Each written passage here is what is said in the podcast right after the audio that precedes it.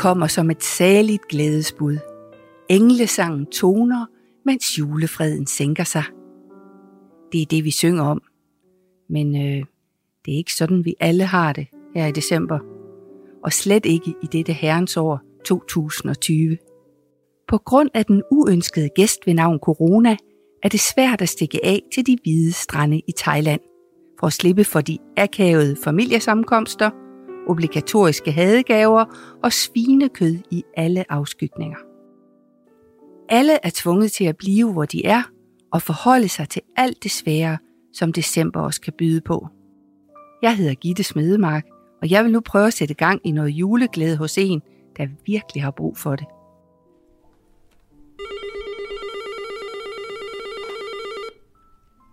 Kom ind.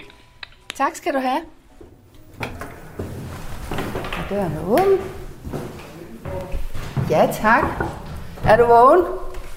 Ja, ja. Lige siden jeg... Og jeg havde en gæst i aften, så det blev lidt sent, så var jeg så træt. Goddag, Kjeld. Goddag, goddag.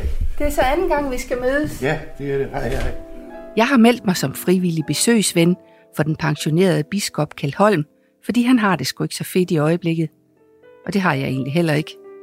Og i stedet for at sætte mig ned og græde, vil jeg gøre som Hella Juf siger. Den bedste medicin, når livet går ondt, det er at komme ud og gøre noget for andre. Dybest set, så har jeg jo heller altid som præst hellere ville have begravet som bryllupper. Nå, hvorfor det? Fordi jeg synes, de der bryllup, det kunne være så oppustet. Kjeld Holm har som tidligere biskop i Aarhus Domkirke været der for alle. Fra de skæve eksistenser til kongefamilien. Hans liv er nu langt fra prædikestolens spotlight og den mondæne bolig, som følger med at være biskop. Kjeld er flyttet i lejlighed, og hans kone er kommet på plejehjem. Han har brækket ryggen, og flere sygdomme er kommet til. Han skal nu have noget tilbage. Hvordan går det, synes du? Altså i øjeblikket går det faktisk meget skidt. Det er det, for jeg har bare fået, jeg ikke taget strømper på. For jeg øh, faldt natten mellem, eller jeg satte mig ved siden af en stol, der jeg skulle tage kompressionsstrømper af. Nej, Og nu kan jeg ikke få dem på igen. det kan jeg da hjælpe dig med. Ja, det er godt. Det vil Ja. jeg gerne. Måske tænker du, hvorfor skal jeg tilbringe december med en biskop emeritus, der har et anstrengt forhold til december og kæmper med sorg og sygdom? Og mig, en ulykkesramt, ensom og overmoden kvinde? Det skal du, fordi jeg vil prøve at få løftet humøret inden jul, både på ham og jeg, og forhåbentlig på alle jer andre. Jamen det jeg lige skal fortælle, det var, at så søndag aften, så skal jeg tage min kompressionsstrømpe, og så altså, har jeg en lille taburet ude på, bad, på øh, i stovværelset. Og så sætter jeg mig ved siden af. Altså ikke med vilje, men bum, ned på gulvet. Og i forvejen min dårlige ryg. Og jeg har fandme ikke kunnet... Altså, jeg har så ondt i mine baller, og, eller i min røv. Det er derfor, jeg ikke kan tage den på. Oh, Det lyder ikke godt, det der. Nej, men det skal nu nok. Jeg har taget nogle tabletter. Øh, nu prøver jeg øh, de der strømper. jeg var, jamen kom ikke med dem. De ligger De her. ligger der, ja. Og det er sådan nogle. Det er højere. Nu skal du se, at den skal... Plejer, du, plejer man ikke at rulle lidt sådan her? Jo, det gør jeg ikke selv, men det er fint. Hvis du gør det, Gitte, så er det fint. Ej, jeg kan godt mærke, de er stramme. Ja. Hold da op. Jamen, hvordan gør man dog det? Ja, det havde i begyndelsen efter, jeg havde brækket ryggen. Der havde jeg en... Der kom der en hjemmehjælper hver morgen. Jeg tror ikke, du skal have sådan en nu, når du er skadet. Nej, det, det går nok. Ej, det her, det kan jeg simpelthen Nej, det kan du ikke, vel? Nej. Nej. Øh, hvis jeg kunne bøje mig ned, så kan jeg... Fordi det der er sagen, det er, at hvis man... Hvis du kan få dem op over min... Bare det, op over min der. Ja, det var Ja, bedre. men du er, du Det er mulig. bedre. Ja, du kan få en stilling som, som øh, Jamen hjælper. hjemmehjælper, ja. Men hvorfor er det, du ikke ringer og får noget hjælp til det?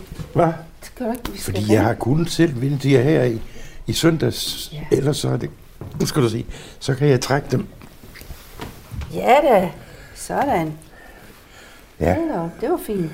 jeg har haft kompressionsstrømper på siden 89. Nå, De har noget med mine ben. Du det? ja, det ser ud som om, det er lidt hævet. Ja, lidt. Og hver gang der har været et eller andet, så begynder jeg altid at snakke om mine hævede ben. Jamen, det, det er ikke det, jeg er her for. øh, Nej. ja, men det... Og du, du, du vidste, hvad undersøgelse jeg har været igennem med de ben. Det er noget medfødelse. Det er et lymfedem. Nå, Og min yngste datter har det også. Nå ja, det er arveligt sikkert. Ja. Nej. Skal jeg lige... Ja, men altså. Sådan. Nej, hvor- det skam, det ikke er fjernsyn. Så skulle du have hævet bukserne ned over. Nå ja, og så skal jeg have de andre Udenpå. ovenpå. Ja. Vi kan da komme helt op og svede. Ja, ja. Du kan stole på, hvis jeg nu havde været alene om det, så, var- så havde jeg opgivet. Så kunne jeg have ventet til, til ja, indtil jeg havde fået flere kræfter. Men jeg tænker jo, at hvis du ringer til hjemmehjælpen, så vil de komme og hjælpe dig med det her både Ja, ja. morgen og aften. Hvorfor? Jamen, hvorfor? det gjorde de også. De kom også, men så Ja. var det jo, så gik det jo så godt, så var det jo, at jeg nu her øh, slog min ryg, da jeg satte mig ned. Jamen, tror du ikke, du skal have ringet igen så? Nej, Er du lidt stolt sådan med at ja, klare det er jeg selv? også. Det lyder Det sådan. er, altså, ja, ja, de har været meget, meget søde. Der var en overgang, der var det samme, der kom hver morgen. Øh, men så var der en morgen, hvor en, en, en hjemmehjælp, så havde jeg noget med en negl på min lille tog. Og den sad sådan, det det var bare en lille bitte, øh, en lille bitte, jeg kunne bare lige have den klippet af. Sådan, det var et lille stykke, der var gået af, af, af, af, af, lille togsneglen. Ja. Og, og så kom der en eller anden mand, så siger jeg, inden du lige giver mig strømper på, kan du ikke lige klippe det der af? Det må de sikkert ikke. Nej. Så, Ej. så kan du godt skride. Ej, sagde du det? Ja. Er du ikke sød ved dem? Hvad? Er du ikke sød ved dem? Nå, men jeg synes, det der, det er jo... En, tag en saks, og så lige klippe et lille hjørne af. Ja. Det vil tage cirka 10 sekunder. Nu tænder jeg lige vores adventskrans. Ja. Vi tænder to lys i dag. Er der noget særligt ved anden søndag i advent? Nej, nej, Det er der ikke? nej. Nej. Ikke noget, du... Du er heller ikke biskop mere, så det behøver du ikke forholde dig til. nej. Nej. Det gør jeg ikke. Men øh, Det er virkelig rart. nu skal du se her. Øh, jeg har lige taget lidt julehjerter med. Ja. Ja. Jeg tænkte, vi skulle flette. Flette, skal jeg flette? Ja, Nej, det kan jeg ikke. det har du Det ikke lyst til. Jamen, jeg, nej, det har jeg aldrig gjort. Altså, det er ikke, fordi jeg er noget imod julehjerter, men jeg har aldrig... øh, Nej. Jeg har talt til det. Altså, hvis nu du havde sagt det her til min kone, så har hun fået et grineanfald ud lige. Det er ikke det, du har brugt dit liv på. Det tør siges. det tør siges. Jeg ved ikke hvorfor, men jeg havde måske forventet det lidt. For du sagde jo sidst, at december, der havde du så travlt i kirken, så det var ikke Ja. det, du gik og lavede herhjemme. Nej, nej. Men du har ikke noget imod, jeg fletter ikke, mens Nej, nej, vi nej, snakker nej. lidt. Fordi i dag skal vi nemlig snakke om Hvis kærlighed. Du, hvis du kan, så Ja, er det fint, men jeg har jo aldrig... men først så skal jeg altså lige høre om, øh, inden, inden jeg går i gang, så skal jeg bare lige høre om den der kamp med AGF, hvordan den gik. Fordi sidst vi skiltes, der skulle du jo til fodbold. Ja, ja.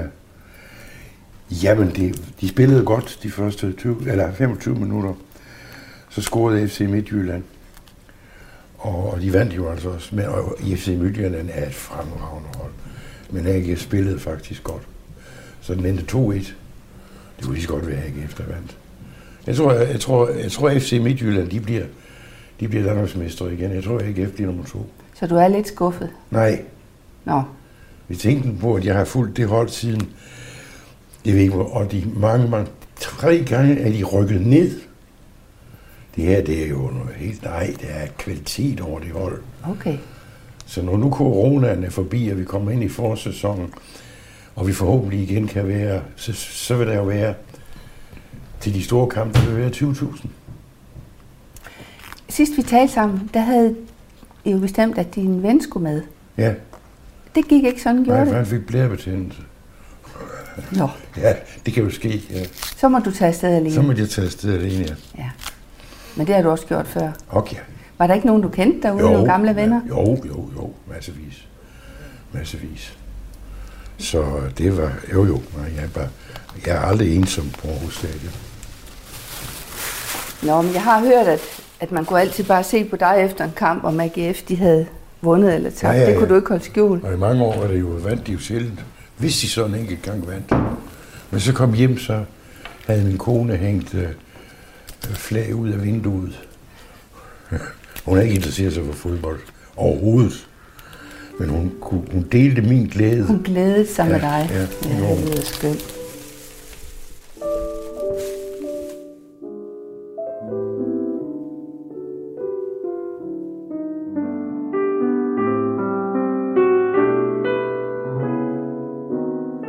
Du lytter til Biskopens julehjælp, hvor jeg besøger den pensionerede biskop Kjeld Holm hver onsdag hele december. Nå, nu, nu pakker jeg hjerterne op, og de er røde og hvide. Vi ja. holder os helt traditionelt her. Ja. Når vi nu skal tale om kærlighed, Kjeld, hvad, hvad, du, har, du har altid sådan nogle kloge ord at sige. Er der sådan noget overordnet, du har lyst til at sige om det? Hvad betyder det for os, at der er kærlighed i vores liv? Det er jo først noget, der går op for mig meget senere, uh, da jeg møder kærligheden. Ikke? Men jeg har faktisk en to... Ja, altså, jeg har selvfølgelig haft kæreste og alt det der. Men jeg har egentlig kun haft to, jeg sådan er rigtig var glad for. Okay. Uh, den ene, det er selvfølgelig min kone. Men den anden, det var en pige, jeg gik i mellemskolen ved. Jeg havde... Vi gik i klasse sammen. Jeg var 16 år, ikke? 17 år. Jeg havde egentlig ikke sådan rigtig kigget på hende. Fordi hun... Øh, det var jo i Sønderjylland, hun var, i et, hun var vokset op i et meget, meget missionshjem. Og det vil sige, det var et, et kæmpemæssigt konfliktproblem, eller at for hende, da, vi, da jeg så brændte til hende, om jeg så må sige, ved et øh, sommerbal på Halsminde Badehotel. uh, hun havde aldrig nogensinde været til bal før. Men jeg blev, jeg blev ufattelig glad for hende. Om Hvor gammel var du der? Hvor gammel har du været? 16. Hun var, hun var præcis lige så gammel som mig. Så det var din første forelskelse? Ja, ja, det, ja, det tør jeg sige. Og hun var, hun var lige så forelsket, men hun var jo fra et helt andet miljø. Jeg kunne jo sagtens tage hende med hjem. Det synes min mor og far, der var fint. Men hun skulle virkelig tænke sig om. Det er, det er nemlig .com. Det er dem, der kommer med varer. Ja. Kom lige ud og åbne. Bed dem om at sætte det ind i, i uh, entréen. Ja. Du skal først trykke dem ind på... Uh... Er det den øverste eller nederst? Nej, nu kommer jeg. Hallo? Er der nogen? Ja, jamen det, nu skal du høre, nu skal du se her.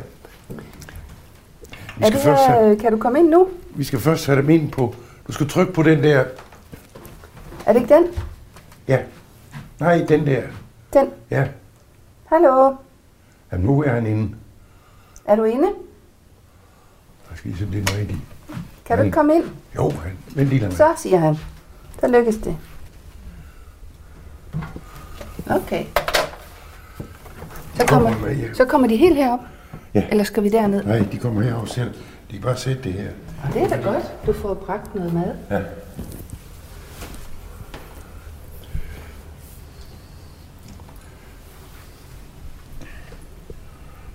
Der er altid en evig tid med den elevator. Jamen, det er godt, den er der. Jo, men jeg har da også hjælp af nogle, af nogle gode venner her i huset. Han og Erik. Når der bor nogen her i huset også? Det skal jeg love dig. Ja. Ja, 14 etage, ikke? Og som... Øh, altså, hvis ikke du havde været her, hvis ikke, så havde jeg ringet til Anne og sagt, vil du godt komme og rette en kompressionsstrøm? Åh, oh, hvor fint. Ja, det var hende, der klippede min nej, der er hjemmehjælper. Hold da op. Ja. Hej. Nu kommer jeg. Vi skal bare have det her ind. Altså ikke... Du tager det ud af plastikposen, ikke? Ja, ja. Jeg tror ikke, det er noget, der ikke... Det ser ud i køkkenet? Ja, det er noget.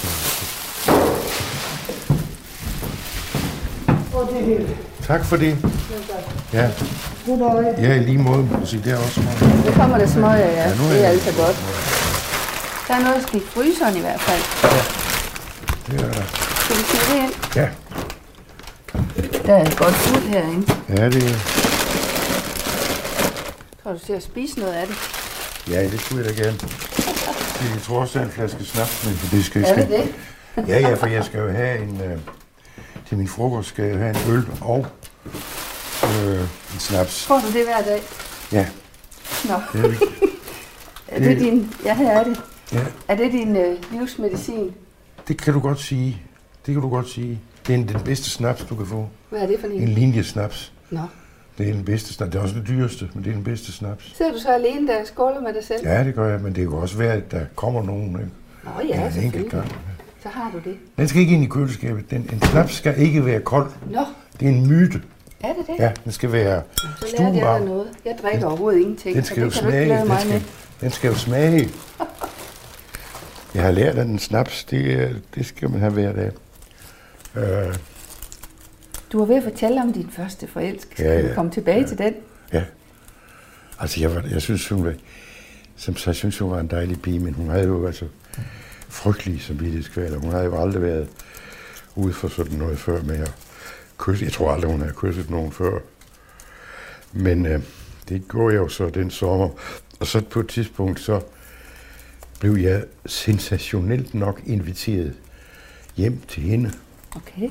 til kaffe en aften. Og moren, hun fulgte os fra lokale til lokale, så vi ikke foretager os sådan noget grimt. Ja. Og så da klokken var 9-10 stykker, så skulle vi have kaffe. Og så skulle der holdes en andagt. Og jeg er vokset op i et kristen hjem, men jo på en helt anden måde. Og så tog han Bibelen, eller hvad det nu var for en bog, ned af hylden, så sad der en ondulat i et bur op på klaver, så begyndte den at fløjte, du her, Krist. Du er Krist. Ja, ja det er det. Bom, bom, bom, bom, bom, bom, bom. Den kunne fløjte, du her, Krist. Og det havde den der ondulat jo hørt mange gange, så jeg har mødt en from ondulat. Ja, jeg, jeg tænkte, da jeg, nej, det der, det kan du altså ikke over. Det kan jeg altså ikke overleve.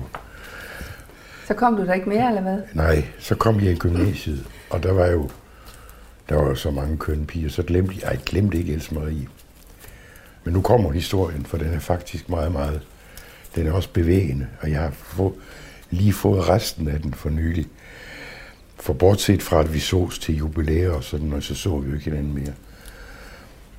Men øh, så øh, gik der mange år, og det er vel nu 20 år siden eller sådan noget. Ja, det er nok mere. Så kom jeg en dag, da jeg var biskop, jo, så kom jeg en dag ind. Så kom min sekretær og sagde, der er ringet en til dig, der gerne vil tale med dig. Hvem var det? Jeg ved ikke, hvem han var. Han sagde, hvem han var, men jeg... Det sagde, om hvad? Det ved jeg ikke, siger hun. Men det, det var lød som om, det var meget vigtigt for ham, at øh, du ringede til ham. Så ringede jeg jo til ham og sagde, hvem jeg var. Øh, så sagde han, øh, øh, jeg er, jeg er Else Maries mand, eller var, Nå. for hun blev dræbt ved en trafikulykke her forleden dag. Et frontalsammenstød. Hun var kommet hjem fra. Hun var siddet i amtsrådet. Hun havde, hun havde løsgjort sig for det der mission, og havde fået mand og to børn. Og det havde jeg godt hørt. Så var hun med hjem fra sådan en amtsrådsmøde, eller hvad det hed. Og så kom hun ind i frontalsammenstød og blev dræbt på stedet. Og så siger jeg, ja, det var da forfærdeligt, siger jeg. Så jeg har jo ikke set hende i mange år. Så siger, jeg, hvorfor ringer du til mig? Vi var kærester, da jeg var 16-17, og nu det er der mange, mange år siden. Hun glemte dig aldrig. Det har ikke været så nemt at være den mand der, så. Det skulle man ikke synes. Nej. Det er en mærkelig historie. Ja. Men nu må du fortælle, hvordan du mødte din livs. Nå ja, Kvinde. det, ja. Jamen, så kom jeg jo, så blev jeg jo student, og det var jo også, der var jo mange, mange, mange piger. Både Jens Ole Henriksen, min nærmeste ven gennem 60 år, ja, vi var også forelskede i, men, men Var I forelsket i den samme? Hvad? Nej, nej, nej, Nå. der var mange forskellige. Men vi kunne godt komme ind i sådan et konkurrenceforhold på den måde, at, at så, øh, ja, så fik jeg jo, altså, så- det er rent, hvad der er ham, der vandt. Øh, men så kom vi jo til Aarhus. Og så var det jo en uendelig mængde, og ja, vi havde sagt, at vi skulle i hvert fald ikke giftes de første 10 år. Vi kunne gå ud og, få- og få, have det sjovt, men... Det havde, I sådan, det havde I sådan aftalt med hinanden? Ja, det lå Ja. ja. sådan lidt i luften. Vi gik jo til fest i en uendelighed Nå, som russer. Det var ligegyldigt, hvad vi læste. Vi, vi skulle med til det hele. ja.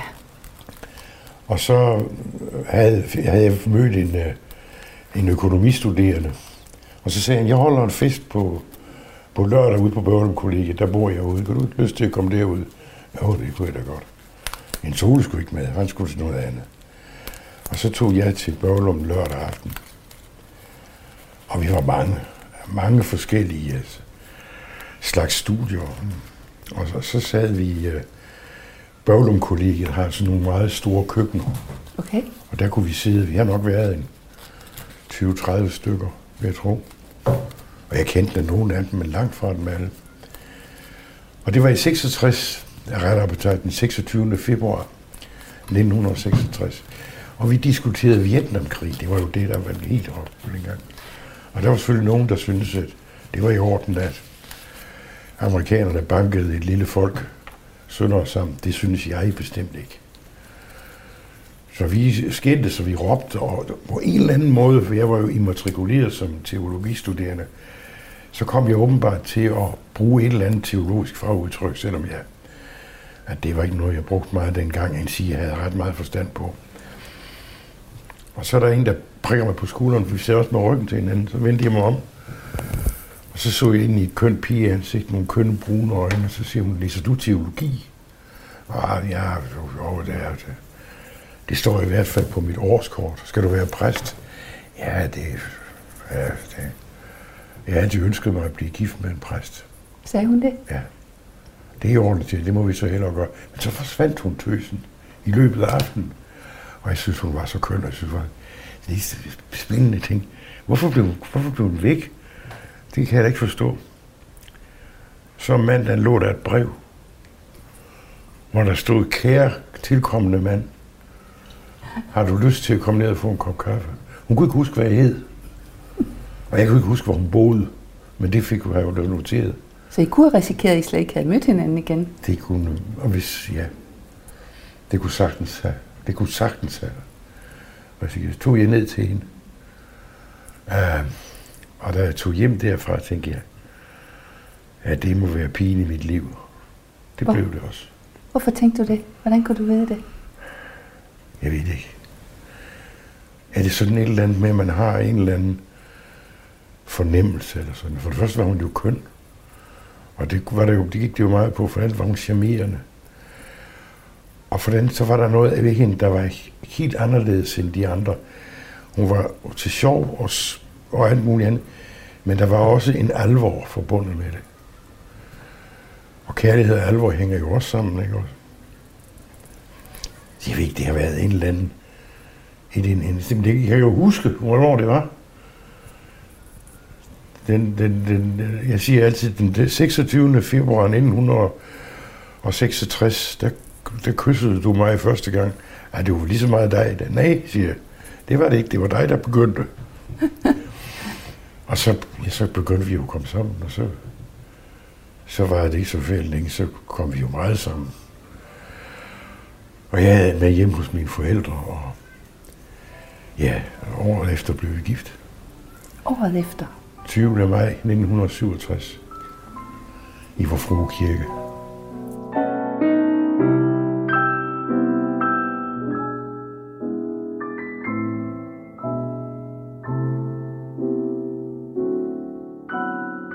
Du lytter til Biskopens julehjælp, hvor jeg besøger den pensionerede biskop Kjell Holm hver onsdag hele december. Tror du på, at man mødes tilfældigt, eller hvad tænker du om det? Ja, det tror jeg på en måde. Men så kan man sige, at tilfældigheden, den, tilfældigheden kommer til at fremstå som en nødvendighed. Og sådan har det jo været for mig. Hvordan det? Ja, altså det hun blev den vigtigste person i mit liv. Og det vil sige, at alt andet ville jo være blevet helt anderledes. Jeg, vi, vi, hvis ikke havde fundet hende, hvad så? Hvordan mit liv så være formet sig? Jeg har samtidig sagt, det er sjovt, så har jeg nok siddet nede på domkirkepladsen og drukket guldbejer. For hvad? Men hun var jo øh, hun var lægesekretær, hun arbejdede på kommunhospitalet. Og så havde hun via sådan nogle forbindelser på kommunhospitalet, nogle gode forbindelser, så vi fik, det var der helt en sensation dengang, en lejlighed i Herluf Trollesgade. Men det kunne vi kun få på en betingelse, at vi var gift. Vi skulle komme med en hvilstest en måned efter, vi var flyttet ind. Det gjorde vi så. Men I blev vel ikke gift af nødvendighed? Nej, nej, nej, nej, nej, nej, overhovedet ikke. Nej, overhovedet ikke. Og så blev der jo, så kom der jo retning i mit liv. Selvom vi gik til fester, så blev jeg jo også meget målrettet. Jeg passede mit studie og gik til timer. Og, og det var ikke fordi Birte hun herrede med mig, det slet ikke. Vi havde hver vores liv. Og så havde, fik vi jo mange venner, og så gik vi til fester. Og vi havde jo ikke børn på det tidspunkt, og det var faktisk en kæmpe fordel. Hvad tænker du over, at en kvinde ligesom skaber den retning? Tænkte du ikke, du selv kunne det? I havde jo drømt om, at I skulle være... Ja, I skulle, du sagde med din ven, I havde talt om, det handlede om, at I skulle nyde livet, og ja. I skulle ud og ja. opleve noget. Ja. Hvorfor tænker du så, at det var vigtigt på det tidspunkt, du mødte hende? Det var ikke noget, jeg tænkte. Det var en følelse. Altså, du kan have en følelse om, at noget er, er rigtigt, og du kan have en følelse om, noget er forkert. Du kan ikke sætte ord på. Men jeg havde hele tiden en følelse af, at øh, det her, det var det rigtige. Og derfor så blev det jo også et ægteskab på godt og rundt jo. Alle har haft kriser, og vi er sammen. Hun var skændt specielt til sidst, hvor Birte var begyndt at dement, der havde vi da helvede til. Men ellers i de mange, mange år, der var det sådan, øh, både på for det gode og for det onde, ikke også, men, men jo bestemt mest for det gode. Og øh, ja. Nu får jeg lyst til at sige noget. Nu har jeg flettet det første hjerte. Ja, det er da meget apropos. Ja, ikke? Ja. Øh, jeg Hvis du nu også begynder at synge, skal vi flette vores hjerte, julehjerter sammen, så skriger jeg og går. Nå, så lader jeg være med det, der, ja. jeg ellers tænkt. Nå, det er du, ja. øhm, jeg havde læst et sted, hvor du sagde, at du kunne godt nogle gange drømme dig tilbage sådan til 1800-tallet, hvor kvinder sådan havde styr på det hele derhjemme, og så kunne manden gå rundt med hat. Ja. Og der tænker jeg jo lidt, om det er sådan et liv, du har fået, mm. hvor du har haft en kvinde, der havde styr på alt det derhjemme, ja, sådan du kunne styre din karriere. Har ja. det været sådan? Delvis ja. Øh, delvis været, men alligevel fra begyndelsen, der var vi, var vi fælles om at gøre rent hver, øh, hver fredag. Men jeg havde jo aldrig nogensinde i Sønderjylland, min mor var hjemmegående. Jeg har aldrig nogensinde anet, hvordan jeg skulle lave mad. Så havde Birte, hun havde vagt hver torsdag, og så skulle på kommunhospitalet, så skulle jeg jo lave mad. Det. Så, der, så det fik vi, øh, en, en, en tre torsdag fik vi forloren skildpadde. Jeg gå op til købmanden og købe en dåse, det kunne jeg finde ud af. Så på et tidspunkt, så sagde hun, hvad, nu skal du altså lære at lave noget mad. Men jeg kan altså ikke spise forloren skildpadde hver gang, jeg har været. Det gad hun ikke? Nej, og så blev jeg faktisk, jeg blev faktisk god til at lave mad. Nej, det Men det har da lært det hele af hende. Jeg kan huske, at hun fortalte mig sådan, jævning og opbagning og sovs. Og det, Nå, du har været helt i kokkeskole. Du stole på, det var fra begyndelsen af. Jamen, der har hun da været smart alligevel. Jamen, det var hun, og så hun var jo selvstændig lang tid før. Hun havde været ung, hun er ældre end mig. Nå, okay. Hun er jo 6,5 år ældre end mig. Okay. Jeg har, lyst til at, jeg har lyst til at fortælle dig, at jeg jo ikke er gift og har ingen børn. Nej. Og jeg har boet sammen med nogle stykker. Tre, tror jeg, og så er det løs. Ja. Og øh, med den historie før, så har jeg jo også gerne vil gå med hat. Og jeg synes ikke, jeg fandt den der mand, der løftede noget derhjemme, så jeg også havde mulighed for det. Jeg gik ikke med hat, jeg gik med kasket. Nå, okay. Men det var kun en kort periode. Men du fordi... forstår godt øh, ja, ja, ja, historien, ja. fordi det er jo det, nogle af os kvinder også gerne vil i dag, at vi vil også gerne have en karriere, eller ja, ja. ud og sprælle, hvor det er sjovt. Og Birte fik jo på den måde ikke nogen karriere. Altså hun blev, hun blev lægesekretær, var lægesekretær først på KH, og så kom hun ud på psykiatrisk hospital. Men det var da min, øh, øh, det var da min øh, karriere, om du vil. Det var da den, der stod i centrum. Jeg ja. skulle være akademiker, men jeg blev faktisk magister i det historie i løbet af fem og et halvt år. Og da jeg lærte Birte at kende, der havde jeg ikke, og jeg havde åbnet en bog, men det var også det hele. Men jeg havde jo mødt, ja, jeg sagde den 26. februar 1966. Otte dage efter. Jeg vidste ikke rigtig med det der studie. Så var det en, der sagde, gå ind og hør et stykke. Og det gjorde jeg så. Og da jeg gik hjem, der tænkte jeg, det her, det kommer du aldrig over. Der mødte jeg, udover så senere mine børn, de to mennesker, som skulle få en altafgørende betydning for mig. Ja. Hvis ikke jeg havde mødt Birte, hvis ikke jeg havde mødt Styk, ja, så ved jeg ikke, så havde mit liv været helt, helt anderledes. Helt anderledes. Interessemæssigt og alting. Hvad kan man sige, det var for en kærlighed, du mødte der? Det var for det første, en, han var jo, han var jo fantastisk charmerende. Som forelæser var han jo noget af det mest charmerende, man overhovedet kunne forestille sig. Han var jo ikke så kendt dengang, han var blevet professor. Men hans forelæsning og foredrag var jo, det var jo shows. Det var, så det var det så dybt, og samtidig så var det hver gang en opfattelse af, hvad det kom an på her i livet. Så hvis det- vi holder os lidt i den der kærlighedsting, Ja. hvad lærte han dig så om livet? Hvad, hvad er det, du kunne bruge det til? Han lærte mig, at, øh, at livet er en opgave. Han lærte mig, at øh, man selv formede det. Og det skulle man gøre i ansvarlighed. Det skulle man gøre med flid og alt muligt andet. Og med stor opmærksomhed. Og så skulle man beskæftige sig med ting, der var vigtige. Ja. Altså det vil sige forfatterskaber. Så jeg læste jo, han lærte mig jo at læse Kierkegaard. På en eller anden måde fattede han jo kærlighed til mig. Så jeg blev jo nok den søn, han aldrig fik, øh, som, øh, som kom til at, at, at, at præge ham. Har han også haft indflydelse på, at, at I har kunne bevare det der ægteskab, at du har lært noget mere om dig selv, og har Birte kunne give dig plads til, at han ja. også fyldte så meget i dit liv? i den grad. Og, og ligesom jeg blev hans elev, så kom hun, blev hun jo hans nære, nære ven. Han elskede hende jo på den måde, at da han blev meget syg kort tid før, når han døde, der havde han fået kræft i halsen. Og så skulle han op til strålebehandling på kommunehospitalet, så tog Birte med ham hver gang. Ja, så fik hun jo i 1995 en meget alvorlig brystcancer, som vi ikke troede, hun kom sig over. Men det gjorde hun jo.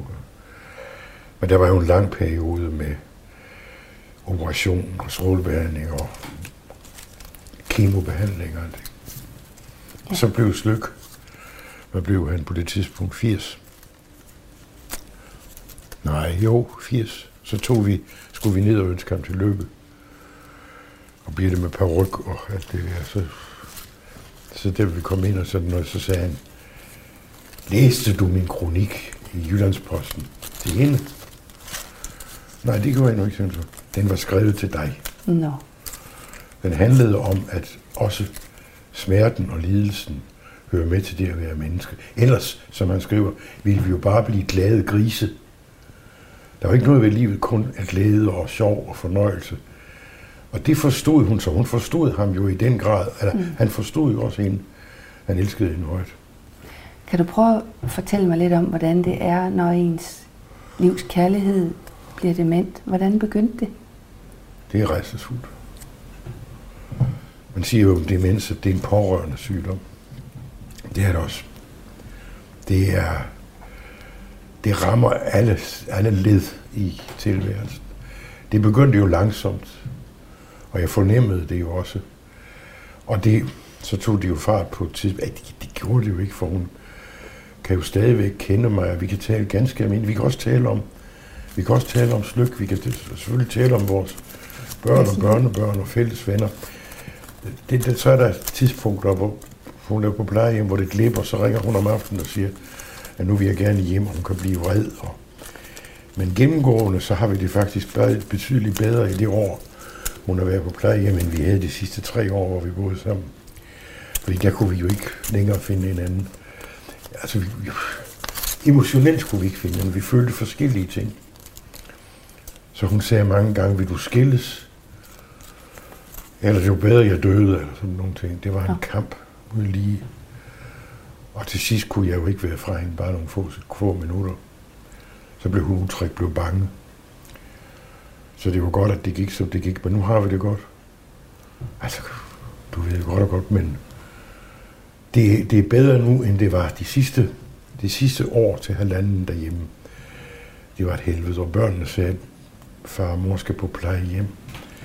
Men synes jo alligevel, at så længe jeg kunne klare det, så skulle jeg klare det. Og det var jo ikke, fordi hun ikke kunne kende mig eller sådan noget. Men altså, Alzheimer er jo en mærkelig sygdom. For det rammer jo følelserne. Den rammer jo ikke bare intellektet. Men den rammer jo også følelserne. Altså hun fik en anden følelsesforhold til mig. Og jeg fik det jo derigennem også til, til hende. Det er meget kompliceret og meget svært. Det er rigtigt, som man siger. Det er, der, er, der er nogen, der har sagt, at det er den værste sygdom, der kan ramme. Det ved jeg ikke, men, men det er slemt. Det er slemt. Kan du sætte lidt flere ord på det der med, at følelserne ændrer sig? Altså det er jo 50 år, I har kendt hinanden. Det må Ja. jo være virkelig hårdt at se ens nære sådan forsvinde fra en.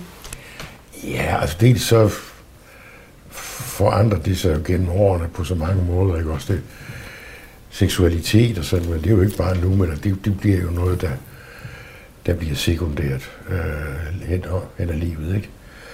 Øh, så det bliver jo, man kan jo sige, erstattet af kammeratskab, solidaritet og alting. Øh, så, så den der, sådan skal vi kalde det, erotisk betinget kærlighed, den forsvinder til fordel for en, øh, for, for, for et, et, ja, hvad skal man kalde det, øh, følelserne, der står, dem, dem er ikke sagt, at vi knuste hinanden, når vi kyssede hinanden, og det gjorde vi da hver dag, men, øh, men, men det, der, var, der, der var ligesom kommet noget andet, og man kan ikke, det er svært at fortælle, fordi det, går jo, det, var, det var jo længe inden ægtefælden finder ud af, hvad der er galt.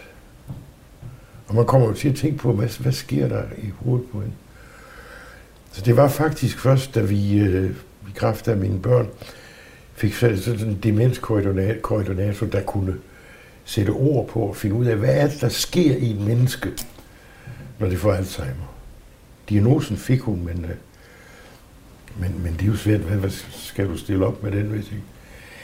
Men, øh, men, men så gik det jo op for mig, at de ting, de reaktioner, der kom fra hende, var et led i hendes sygdom.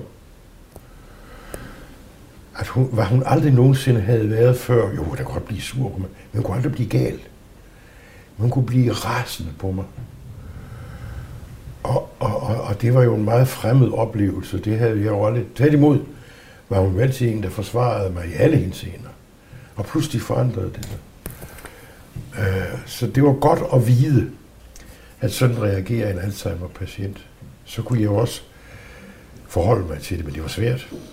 Jeg tænker jo, jeg har jo plejet min gamle mor her i mange år nu. Ja. Og jeg tænker, hvor har man hørt meget om, hvordan det er at få børn, og hvordan man passer børn. Men jeg synes simpelthen ikke, jeg var forberedt på, hvad det betyder, når ens næreste pludselig, altså rollerne skifter, at man Nej. pludselig skal til at tage sig så meget Nej af ens forældre eller ens kone, som du har skulle. Mm. Tænker du ikke det, at det er jo, noget, vi ikke får talt nok om? Jo, jo, jo. Altså det er jo blandt andet i forhold til vores børn, ikke? De kunne simpelthen næsten ikke holde ud og komme, fordi øh, vi havde talt ordentligt til hinanden i så mange, mange år. Det meste af, ja, op til vores guldbrøllup næsten ikke. Og pludselig kunne vi ikke tale ordentligt til hinanden mere. Men de ting, du siger her, det er jo der, nogle mennesker bliver skilt. Altså, det, er jo ikke, det, var, det var sikkert ikke et ord, I brugte, eller hvad, at kunne finde på. Jo, nej, men det, det, det er jo helt uden for horisonten. Øh, forstået på den måde. Birte sagde da tit, vil du skilles fra mig? Og det sagde jeg jo hver gang, det ville jeg ikke og lignende, men det var, altså, jamen, det var meget bedre, at jeg ikke var her. Det var meget bedre, at jeg døde. Men jeg kan godt sige at i den sværeste tid til sidst der, der gik vi ikke i seng en eneste aften, uden jeg tænkte, bare jeg ikke vågner i morgen. Det er der, du var? Ja, jeg var, der var, jeg var så... Jeg har, jeg har følt dagbog i mange år, og øh, der blev længere og længere og længere imellem, at der var noget at være glad for. Det skriver jeg også. Hold da. Trist dag, en trist dag, trist dag, trist dag, trist dag. Vrede, skænderi. Så kom hun på et sådan demens, øh, sådan noget, noget trivsel, eller hvad her. Og det var, to, to først to, så sent tre dage om ugen, og det var godt. Fordi det gav mig luft om formiddagen der, og hun var egentlig glad, når hun kom hjem. Og så når hun havde været hjemme, så begyndte det hele igen.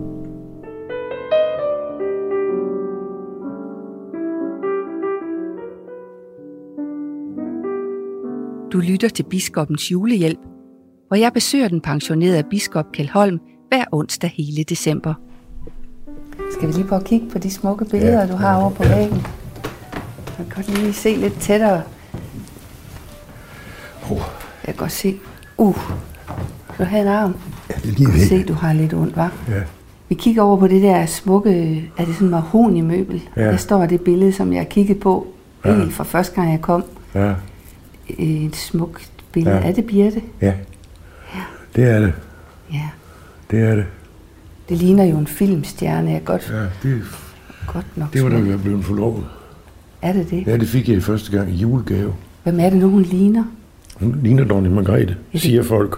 Jamen det gør hun ja. da. Ej, hvor er det mor, som du ja. siger det selv. Ja, ja, ja. Men tror du, det er tiden med frisyren, hun har midterskingen, Ja, og så er det sådan skrabt til side? Ja, Det er, det er taget i 66.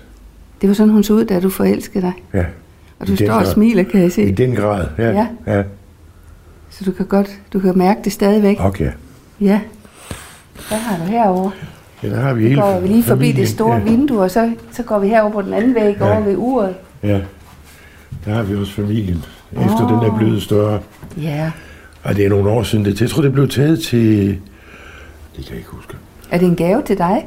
Ja, det var i forbindelse med en fødselsdag. Eller Og det er. Birte, der sidder i det er midten, Birte, der sidder i midten, ja. og dine to døtre. ja. Og så mit, mit, mit, el, mit børn, børnebørn. Ja. Hvad tænker man, når man har sådan en familie lige omkring sig, og du ser på det billede? Så tænker jeg, at det er mit livs rigdom. Når vi taler om kærlighed, ikke? Jo. Det er, det, det er dem, der... Ja, det er dem, der udgår min tilværelse. Ja, jeg har gode venner og sådan noget. De hører sandelig også til. Altså, jeg bliver lidt rørt af det her, fordi nu har jeg jo valgt ikke at have børn i det her ja, liv. Ja. Øhm, af mange grunde. Men øh, tænker du ikke godt, man kan have et liv uden børn? Jo da. Det kan man da i høj grad. Jeg har da gode venner. Det er bare et andet liv. Men selvfølgelig det er da et liv. Altså, det, det er jo ikke sådan, at du siger, at mit liv har været meningsløst, fordi I- jeg har ingen børn. Sådan er der selvfølgelig nogen, der reagerer. Det ved jeg ikke. Og nogen arbejder jo i, jeg har sagt, døgndrift på at få nogen, ikke? så det er ikke engang med at blive patetisk. Nej, du er stor kineser. Jeg har da absolut gode venner, som ingen børn har, som jo da, nej, Så man kan godt finde en mening alligevel. Sagtens, sagtens, sagtens. Det er bare det, når børnene er der, så kan du ikke tænke dem væk. Nej, det har du ret Nej, i. men det har du ret i. det er det ikke. Hvad har vi herover? Det, er- ja, det er så øh, Nana og Jesper, da de bliver gift Ja. i domkirken ja. af mig. Var det dig, der gjorde det? Ja da. Nå, har du... Ja, Hvordan fanden var skulle- det? Hvordan var det? Det var, vise sit eget barn. det var, det var en stor dag. Det var en stor dag. Og vi havde en fantastisk fest bagefter. Men jeg tænker, hvor har du videt mange mennesker? Ja. Og du har også øh, ja, begravet mange, men jeg tænker, du må have hørt mange kærlighedshistorier på ondt og godt. Ja, ja. Og Hvad jeg er tænker, helt- hvad tænker du om, at så mange bliver skilt i dag? I forhold til alle dem, du har videt? Ja, som, det, det brugte vi jo ikke i min familie, altså derhjemme i Sønderjylland. Det var ikke noget, man... Øh, nej, det er ikke dumt, det var en sensation. Jamen i dag, det er jo netop blevet hverdag, ikke? Det er blevet hverdag. Jeg er jo lige blevet skilt, når du lige blevet skilt, nå. Jamen, hvor- hvorfor det? Jamen, jeg ved, jeg har lige fundet en anden. Altså det der, det er... Ja, det er tidsånden. Ja. Jeg kan engang imellem synes, at, at det går, det går tæt, fordi det er som om, man øh, skifter koner, som man skifter køleskab, eller hvad det er. Ikke? Og det kan jeg godt blive lidt deprimeret over. Men altså, sådan er det. Men du har jo selv mærket det med at holde ud, ikke, når også nogle ting forsvinder. Og det er måske det, vi er blevet dårlige til, eller hvad Ja. tænker du omkring det? Ja, det tror jeg, tror du. Jeg tror, det ligger jo i min, i min opdragelse, det ligger i min holdning, det ligger også i det, jeg har læst, det, jeg har beskæftiget mig med, det, jeg har skrevet om og sådan noget, det er, at, øh, at, øh, at, at ansvar, det, det er ikke noget, man kan vifte af sig og sige, Nå, men jeg har ikke ansvar for dig mere. Griber man ind i hinandens liv, så har man et ansvar, og det ansvar var ved, og jeg har altid haft svært ved at lægge et ansvar fra mig igen. Der kan godt være perioder, periode, jeg tænker, nej, nej, så bliver det for helvede, han er sagt det. Øh, men jamen, vi, vi har hørt nogle gange sammen, og det lå dybt i min grundholdning, ikke også? Indtil døden skiller os ad. Og det har vi sagt, det siger vi stadigvæk. Men hvordan har det været at vi andre og stå og sige ind til døden, jeg skiller, og de siger ja til det? Har du så stået og tænkt, ja, ja, har du, har du sådan kunne se på forhånd, de der, de klarer det ikke? Nu skal du høre en, en god historie. Jeg videde et ægtepar for mange, mange år siden, og den fik hele armen. Hvordan det? Ja, det er altså, jeg kan bare huske de guldringe, de fik på. Og det var jo, åh, det var simpelthen uh, fantastisk, og i kirken skulle pyntes sin formue, jeg ved ikke hvad. Så det var det helt store. Og så møder jeg manden to måneder efter i supermarkedet. Nå, hvordan går det? Er du stadigvæk lykkelig? Nej, vi blev skilt i går, eller separeret i går. Ja, ja. Hvad tænkte du så? Hvad sagde du til sådan en mand? Jeg kan jeg sagde, nå, det var, det var da ikke så godt. Men Jamen, jeg synes jo, der er, der er et tegn på, at, øh, at hvis ikke man følelsesmæssigt er fuldstændig øh, intakt, og jeg elsker min kone lige så meget øh, i dag, som jeg gjorde for 14 år, hvis, hvis, det, hvis det er sådan noget, at det er det, der afhænger af, jamen så bliver det noget overfladisk noget. Man kan jo godt øh, blive træt af hende. Man kan også forelske sig i andre mennesker. Ja, det sker jo af til. Ja, jeg har også været forelsket i andre piger end Birte. Også efter jeg blev gift med hende. Det har du? Ja, det har jeg. Jeg synes også godt, jeg kan høre, at du, har, du, har, du holder øje med dem. Du kan godt se, når der er en køn pige i nærheden. Ja, det var da jo frygteligt, hvis ikke man kunne se det. Så var jeg lige så vil jeg da hellere dø. Skal vi gå herover igen? Jeg, jeg, jeg, jeg er nødt til at, er nødt til at være glad for, de, for, det, der, for det kønne, der er i livet. Ja. Jamen, forelsket og forelsket. Jo, altså, men, men det er jo, der, der, der er forskel på forelskelse og kærlighed, ikke? Uh, det er der jo. Hvad er, hvad er for dig forskellen på forelskelse og kærligheden? Jamen, forelskelse, det er jo, det er jo, det er jo noget, der opstår sådan, øh, øh, kan man sige, du ser en køn pige, og det hun er charmerende og alt det der, så hun gør et øh, meget stærkt indtryk og sådan nogle ting. For mange, mange, mange år siden, det var mens vores mindste var lille, der var jeg til sådan et eller andet kursus, hvor jeg skulle holde for og der var der en pige, som jeg synes, var, jeg synes hun var så fantastisk charmerende. Og, og, og det var vel nok på en eller anden måde den eneste krise, fordi jeg var virkelig forelsket i. Det var du? Ja. Så man kan godt elske flere af gangen? Nej, det kan man ikke. Man, kun, man kan ikke elske flere af gangen. Nå. Det var, en, det var nede på Røding Højskole. Det var en sommer, og vi gik tur i sommernatten, og åen løb ned i engen, og nattergalen sang, og det hele. Det var sådan en stemningsbrus. Ja. Øhm, men så kom vi hjem, så fandt jeg jo også ud af, at jeg havde to børn og sådan nogle ting. Og at det ikke var sådan noget som Slyk, selvom han bestemt selv var ramt af det i den grad, som siger et sted, ikke også et ægteskab, det er ikke et tyverlig, man regner ud i en af. Det er et tugt- og forbedringshus, hvor man forhåbentlig efterhånden bliver et ordentligt menneske. Det er også en dannelse, det er også en opdragelse at være, at være øh, gift. Ikke? Det, det, det, man danner hinanden eller som det engelske et for better for worse. Men ved du hvad, dybest set, så har jeg jo heller altid som præst heller ville have begravet sådan bryllupper. Nå, hvorfor det? Fordi jeg synes, de der bryllup, det kunne være så oppustet. Simpelthen. Så det, der skulle være så mange ritualer. Jeg kunne huske engang et bryllup, hvor brudgommens far, eller hvad det kom og lagde en, en, en hestesko nede i kirken. Og så hvad er det for noget? Jamen det er, Jamen, så går de ind i lykken og tager den med sig. Åh, oh, lad kæft, siger jeg så det. Uh, ja, det har jeg altså gjort flere gange. Har du det? Med nogen, ja. Nå. Altså, jeg synes sådan noget, det var... Det var det, der var problemet med bryllupper. Det var, at det var pjat. Altså, det kunne blive hurtigt til pjat. Overflade. Det var lige, møde, hvad jeg, lige meget, hvad jeg sagde, ikke? Det var, det, var, det var bare... Det, var, det, som det har jeg, du følt, når du stod der? Ja, det lige meget. mange gange. Efterhånden er det blevet, synes jeg, folk er blevet mere alvorsfulde. Men jeg kan huske en gang, hvor jeg netop ved et bryllup sagde, til øh, brudgommen, eller at ægteskabet, det var jo først og fremmest en udfordring. Så kom brudens mor hen til mig, og så sagde jeg, nu har de der gjort, hvad de kunne for at ødelægge den gode stemning. Så siger hvordan Jamen, jeg havde fortroet sådan noget romantisk. Nå, siger, så har de valgt den forkerte præst. Men bare tag det roligt, siger så. Romantikken skal nok indfinde sig, når laksen den bliver sat på bordet i aften. Sagde du det? Ja, ja. Jeg har også videt mange, der var der havde været skilt og gift, og jeg har været hvide venner, som var, havde været gift før. Så altså, det er jo ikke, jeg, er jo ikke, jeg er jo ikke moralsk. Men hvad med kærligheden? Lærer man ikke også noget om den ved at møde så mange mennesker og tale med dem om, om deres livs kærlighed i sådan jo, en situation? Jo. Det er vel ikke overfladisk på det tidspunkt, Nej, er det?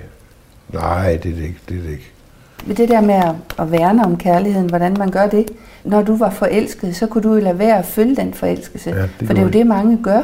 Ja, men jeg valgte ikke at følge den. Ja. Det mener du godt, man som menneske skal være i stand til? Ja. Der er så mange ting i vores liv, vi skal kunne sige nej til. Altså, det er også spørgsmål om forhold mellem følelse og holdning. Okay. Hvis vi, vi lever i sådan et følelsesbrus fra vugge til græv eller fra morgen til aften, så bliver vi nogle underlige, overfladiske mennesker. Pligten, ansvaret, det hører også med til det at være menneske. Også kærligheden. Det lyder smukt, men jeg tænker jo, en af grundene til, at jeg ikke er gift, det er, at jeg tror, jeg har meget til i mit liv set de der kvinder, der har offret alt Ja. for deres mænd, Ja. og slidt sig selv op, hvor jeg har tænkt, hvorfor gik de ikke? Fordi jeg synes også, der er grænser for, hvad man som grad. menneske kan finde sig i. Jeg er selv opvokset i et hjem, hvor det var min far, der bestemte alt, og min mor skulle. Men så var der alligevel en ting, det var, at, og de holdt meget af hinanden. Og selvom min far på mange måder, i hvert fald indtil han blev ændret, var, var han blev et ordentligt menneske. På mange måder var et dumt svin, og, og ikke opført sig ordentligt over for min mor. Okay. Så kan jeg huske, så havde hun alligevel... Altså, han bestemte jo over penge, og når hun skulle have en ny frakke, så skulle hun bede om lov, jeg ved. Ja, tak. Det kunne jeg aldrig finde mig i. Nej, men det var jo det jo også mange, mange år siden. Ja, ja. Også. Undtagen, som jeg tit sagde, når det galt livet. Jeg skulle i, da jeg skulle i mellemskolen, der ville min far have, at jeg skulle ned i den lokale centralskole. Det ville jeg ikke, fordi der havde min en flok kammerater, der også skulle derned, og de havde mobbet mig så frygteligt, så jeg ville ikke, jeg ville til Haderslev. Udover at det var kendt for at være den bedste skole i Miles omegn, men far, far, min far sagde, ja, men hvad siger Nej, hvad sagde folk, der siger det? Er ikke.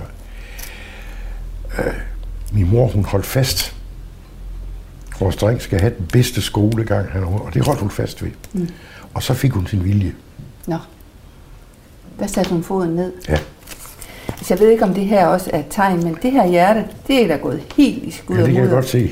Jeg prøver at flette et lille hjerte inde i et stort se. hjerte. Ja, det Tror du ikke, det er et tegn, det her? Et ja, andet? jo, jamen, den, den kærligheden er der jo. Den er der på Ja, den ja. ene side, Jamen, det men ikke godt. på den anden. Nej, men det kan jo godt gå i stykker indimellem. Ja, det kan den. Det tror jeg også, det bliver et symbol på. Mhm.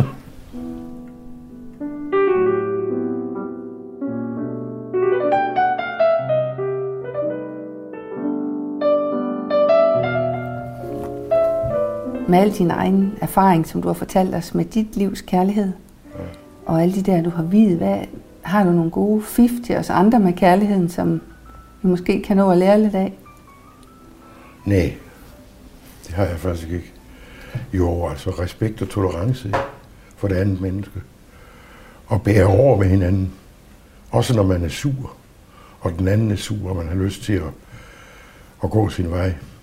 Så kommer jo pligten og opgaven. Altså det der med at gøre noget til sit livs opgave. Det er vigtigt. Det har jeg lært af Kirkegaard og Slykke og alle mulige andre. Nu ved jeg ikke helt, hvordan du har det med de her hjerter, jeg har siddet. Er det noget, du skal have op og hænge og pynte? Det synes jeg da nok nu. Der er jo ikke så meget øh, pyntning. Jeg regner med, når min yngste datter kommer over, så, og hendes øh, lille søn, så skal de stå for skal de stå for lidt pyntning, så jeg også har lidt her til julen. Men så, ligger, så kan vi lægge dem i skålen, og så kan de måske finde ud af, hvor de skal hænge hen, ikke? Det var en god idé. Og så er der nogle ekstra, så kan de flette dem færdigt Ja. sammen med dig. Ja, nej, ja det, det, det skal de gøre. Ja, ja, jeg Du, skal, du vil ikke have det lært, inden jeg går? nej, det ved jeg ikke, det kan jeg ikke. Nå, Uh, jeg har ingen evne, jeg kan ikke engang stå. Jeg har heller ikke stået søm i, eller noget som helst. så du er slet ikke fingernem på nogen Nej, måde? det er jeg ikke. Nej. Kunne godt nok irritere Birte en gang imellem. Jo, da vi havde sommerhus, der kunne jeg godt øh, Nå. lave lidt. Ja. For det var træ og sådan noget. Ja, Jeg synes altså, det er meget maskulin, når en mand kan have banket søm i.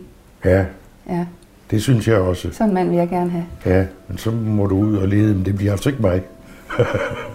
det gør det ikke.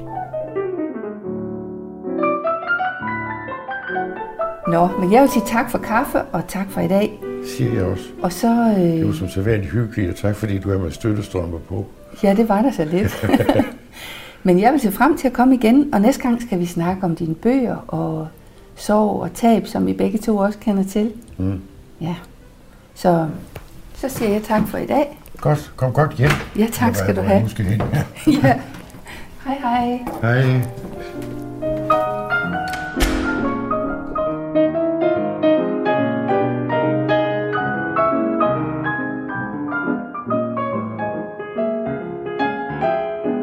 Har været med på besøg hos den pensionerede biskop Kjeld Holm. Programmet hedder Biskopens Julehjælp, og du kan finde resten af serien på Radio 4's hjemmeside eller på podcast. Programmet er tilrettelagt af Cecilia Sønderstrup, Satie Espersen og jeg selv, Gitte Smedemark. Vi sender næste afsnit i din radio på onsdag kl. 13.05.